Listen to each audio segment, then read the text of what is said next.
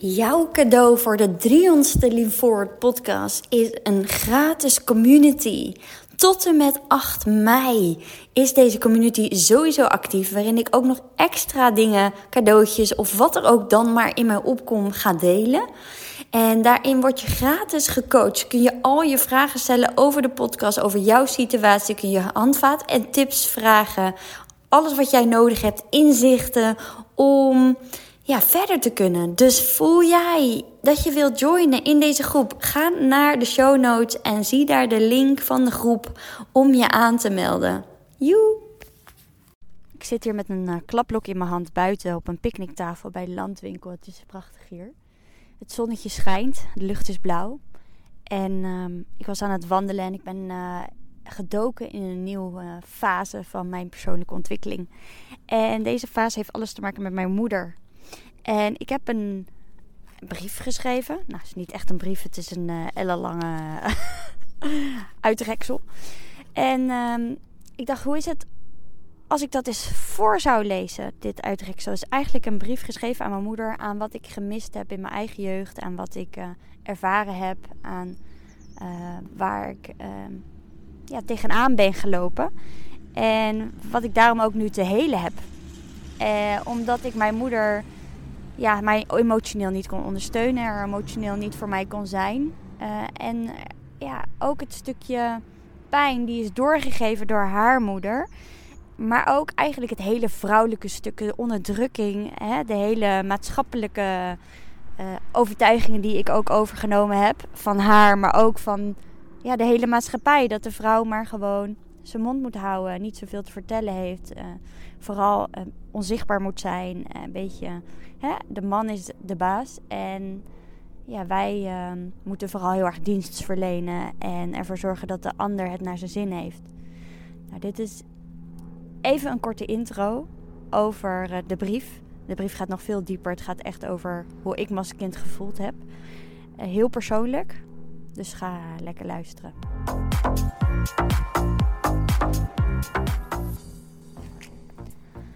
Mama, ik heb je gemist. Waar was je? In ieder geval niet bij mij.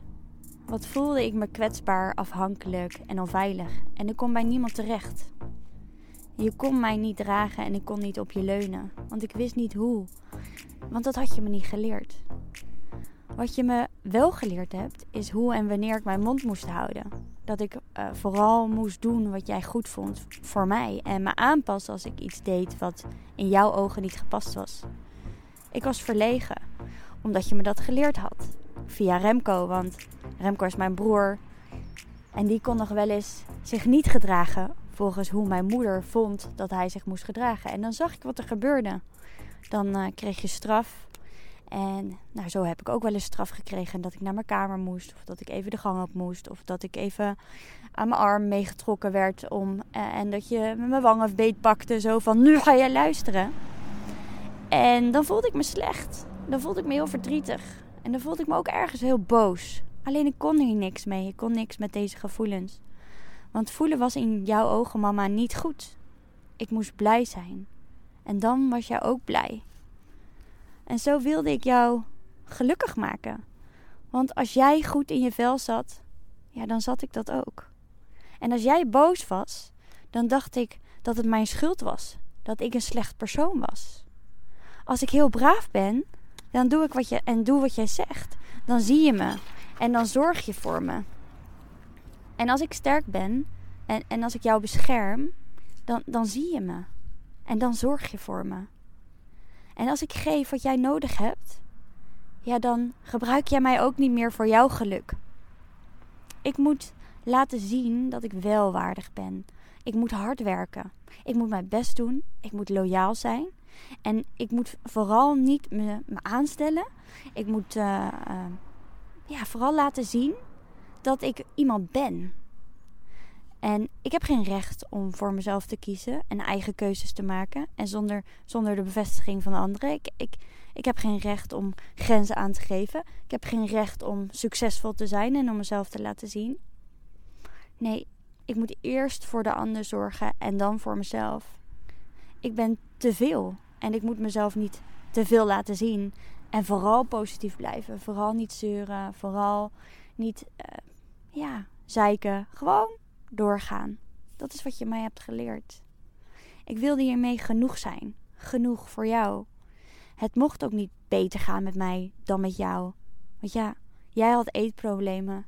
En ik dus ook. En ik had ruzie in mijn relaties. En jij ook. En jij kunt je niet openstellen voor liefde. En ik ook niet. En jij hebt al 25 jaar dezelfde baan. Dus ja, ik dacht ook dat ik dat ook moest doen. Dus voelde ik mezelf slecht als ik weer voelde na drie jaar ik wil wat anders. Ik nam heel veel over van jou, mama. En je zei het nog tegen me vorige week of twee weken geleden. Ik, ik plofte op de bank naast jou neer thuis. Je was aan het oppassen. En ik zei, mam, ik zit er even helemaal doorheen.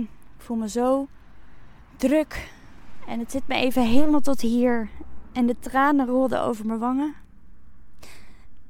En hetgeen wat jij zei tegen me is: Nou, doe dan ook eens rustig aan. Je kunt toch ook gewoon een gewoon leven leven? Je hoeft toch niet al die grote dromen waar te maken? Dat deed me pijn. Dat deed me pijn. Ik had gehoopt, als ik met tranen op de bank naast je zou zitten, zou komen zitten en aangeeft dat het even te veel voor me is, dat je zegt: Ach, lieverd, kom even bij me zitten. Je kan het wel. Neem maar even de rust en dan ga je zien wat de volgende stap wordt. Ik weet dat je het kan. Ik had gewild dat je vertrouwen in me had. Dat je zag dat ik gewoon iets in me heb. En dat ik wel goed genoeg ben. Want dat is hetgeen wat ik nog graag wil ontvangen van je. En wat ik aan het helen ben nu. En in plaats daarvan zeg je eigenlijk dat ik mijn dromen op moet geven. En aan het einde van de dag laat je me gewoon in de steek.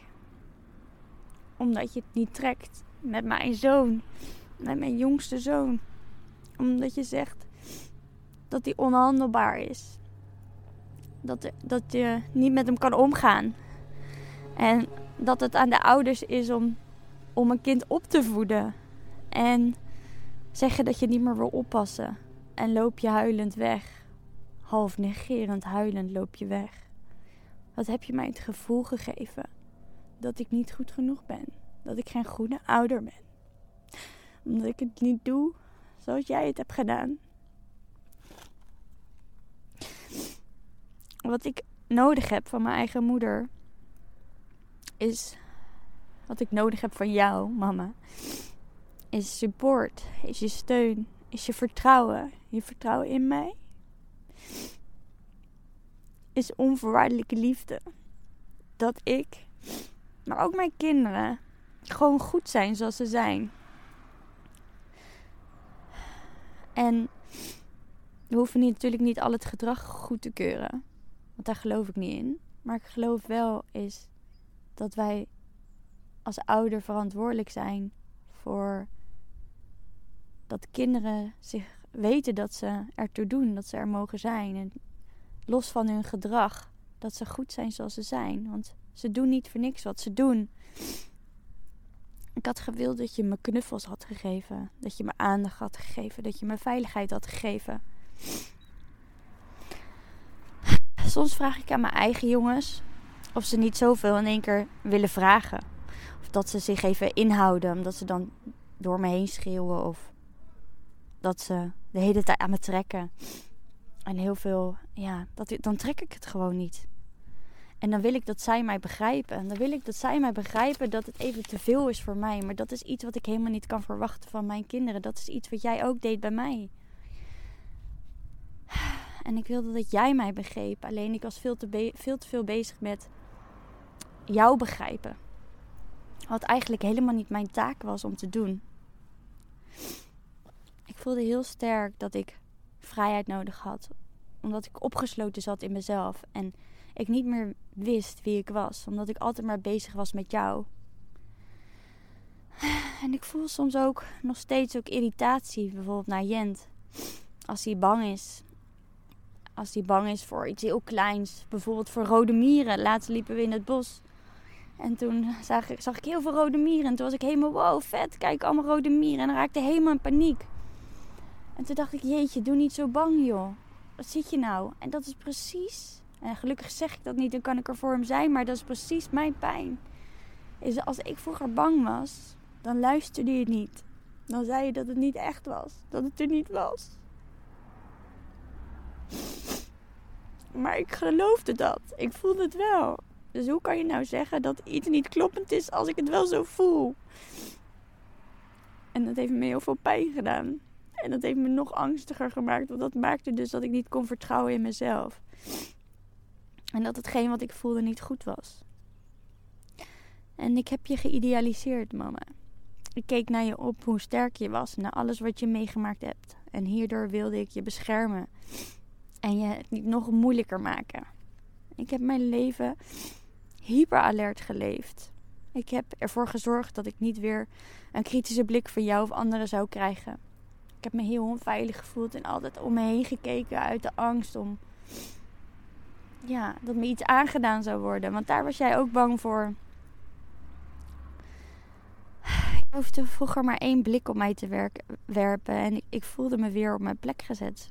Zoals een hond die naar zijn mand gestuurd wordt. Ik was altijd bang om afgewezen te worden. Ik heb altijd gevoeld dat ik anders, het anders wilde gaan doen. En toch bleef ik tegen de oude patronen van jou aanlopen. Ik had, ik had het niet door. Want, want jij was mij alles. Ik zei altijd, voor mijn moeder doe ik alles, voor jou doe ik alles. Ik wilde zelfs...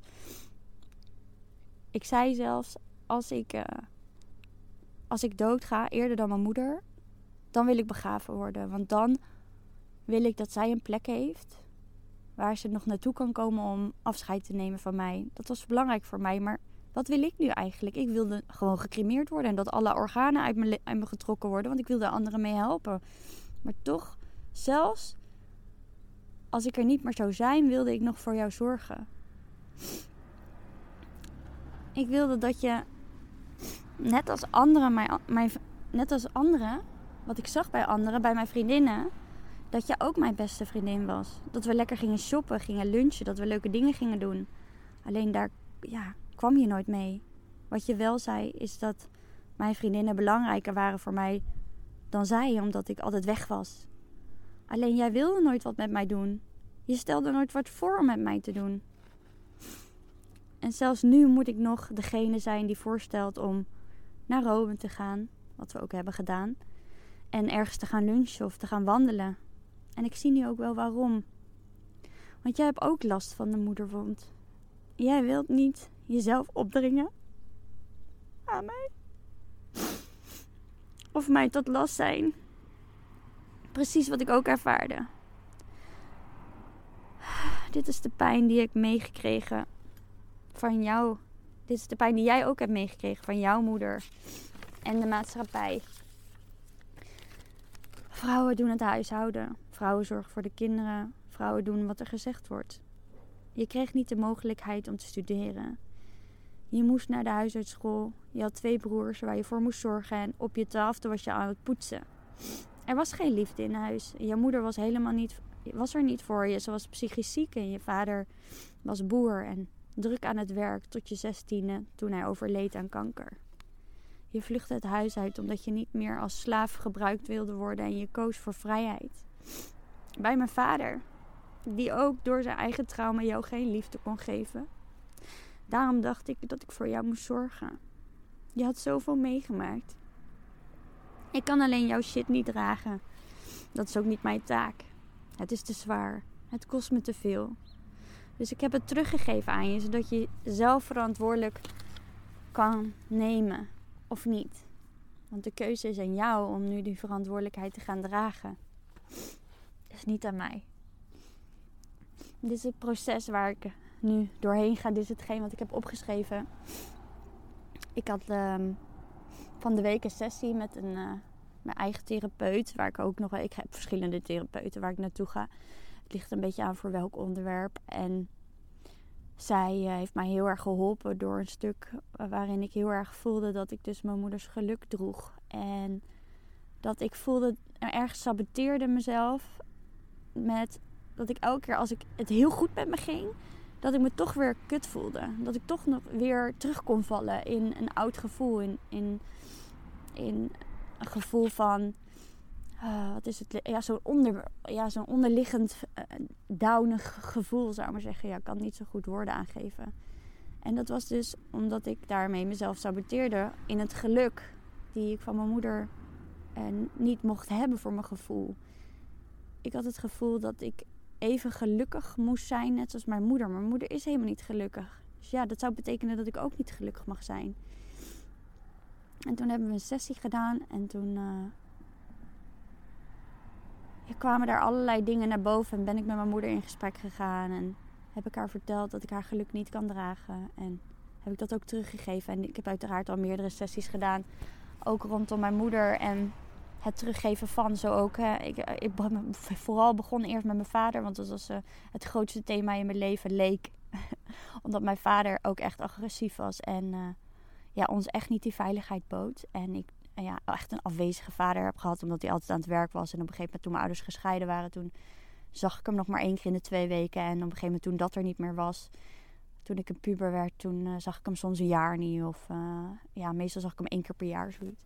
Dus dus het was een hele logische keuze om eerst aan de slag te gaan met, met mijn vader. Want, oh. En nu, is het, uh, nu ben ik al een tijdje gedoken, nu sinds een jaar in de moederrond. Omdat ik merk dat ik ergens nog word tegengehouden in authentiek mezelf zijn. In, vooral in mijn relatie. In uh, echt in mijn relatie mezelf kunnen laten zien. Mezelf blootgeven, kwetsbaar zijn. En daar loop ik heel erg tegenaan. En daar ben ik zo klaar mee. Dus hier zit mij pijn op dit moment. En ik kijk er heel erg naar uit om dit te doorbreken. En uh, zo ben ik heel mijn proces aan het doorlopen. En uh, ja, ik hoop dat ik jou met deze brief heb geïnspireerd om, uh, om ook eens na te denken over jouw relatie met jouw moeder. Want we houden heel erg het hand boven het hoofd van vaak onze moeders. Om eens um, met een kritische blik te gaan kijken: oké, Ehm, wat heb ik daar weggestopt? Want dat is iets waardoor jij dus je nog aanpast. Waardoor je dus niet grenzen kunt aangeven. Waardoor je dus bang bent om die aarde gevonden te worden, of afgestoten te worden of te verlaten te worden. Het heeft allemaal, staat allemaal een verbinding met, met je moeder en je vader. En zolang je niet inziet dat daar je pijn zit, blijf je rondlopen met dezelfde problemen. En je wordt er ongelukkig van hoe langer je ermee rondloopt, hoe meer pijn het gaat doen. En hoe meer je last ervan krijgt. En hoe meer je gaat piekeren en in je hoofd gaat zitten. En hoe meer lichamelijke klachten er komen, stressklachten. En hoe minder je jouw leven aan het leven bent als je continu bezig bent met anderen. En uh, dat gun ik niemand. Want dan, dan, en dat is denk ik ook waarom ik doe, onder andere wat ik doe, is ik zie die pijn bij mijn moeder. Zij leeft zo haar leven. En dat is soms wel pijnlijk te zien. En ik geloof niet dat dat nodig is om op die manier je leven te leven. En ik zal nog een uh, opvolging doen, overigens, hoe het is afgelopen met het oppasverhaal. Omdat mijn moeder natuurlijk huilend wegliep. En ik daarna pas door een heel proces uh, ben gegaan. Met heel veel boosheid en verdriet naar mijn moeder toe. En uh, een heel stuk wat ik zelf nog mocht gaan verwerken. Dus daar kom ik op terug in de volgende podcast. Dus, nou ja, mocht ik je geïnspireerd hebben, zou tof zijn, anders niet. En, um, en zonder dat je je moeder hoeft te veroordelen trouwens. Want dat is echt niet nodig. Maar het is en en. En ja, je moeder heeft het beste gedaan. En zij heeft ook haar shit gehad. En jij mag ook voelen wat je voelt. En daardoor heen gaan. Dit staat naast elkaar. Oké. Dit was hem. Ik wens jou een fijne dag. En wil je daar iets over kwijt? Stuur me vooral een bericht op Instagram, Linda-forward. Er komt net iemand, een kind aan volgens mij, die uh, met de tractor aan het rijden is. Dus mooi moment om uh, te stoppen. Doei!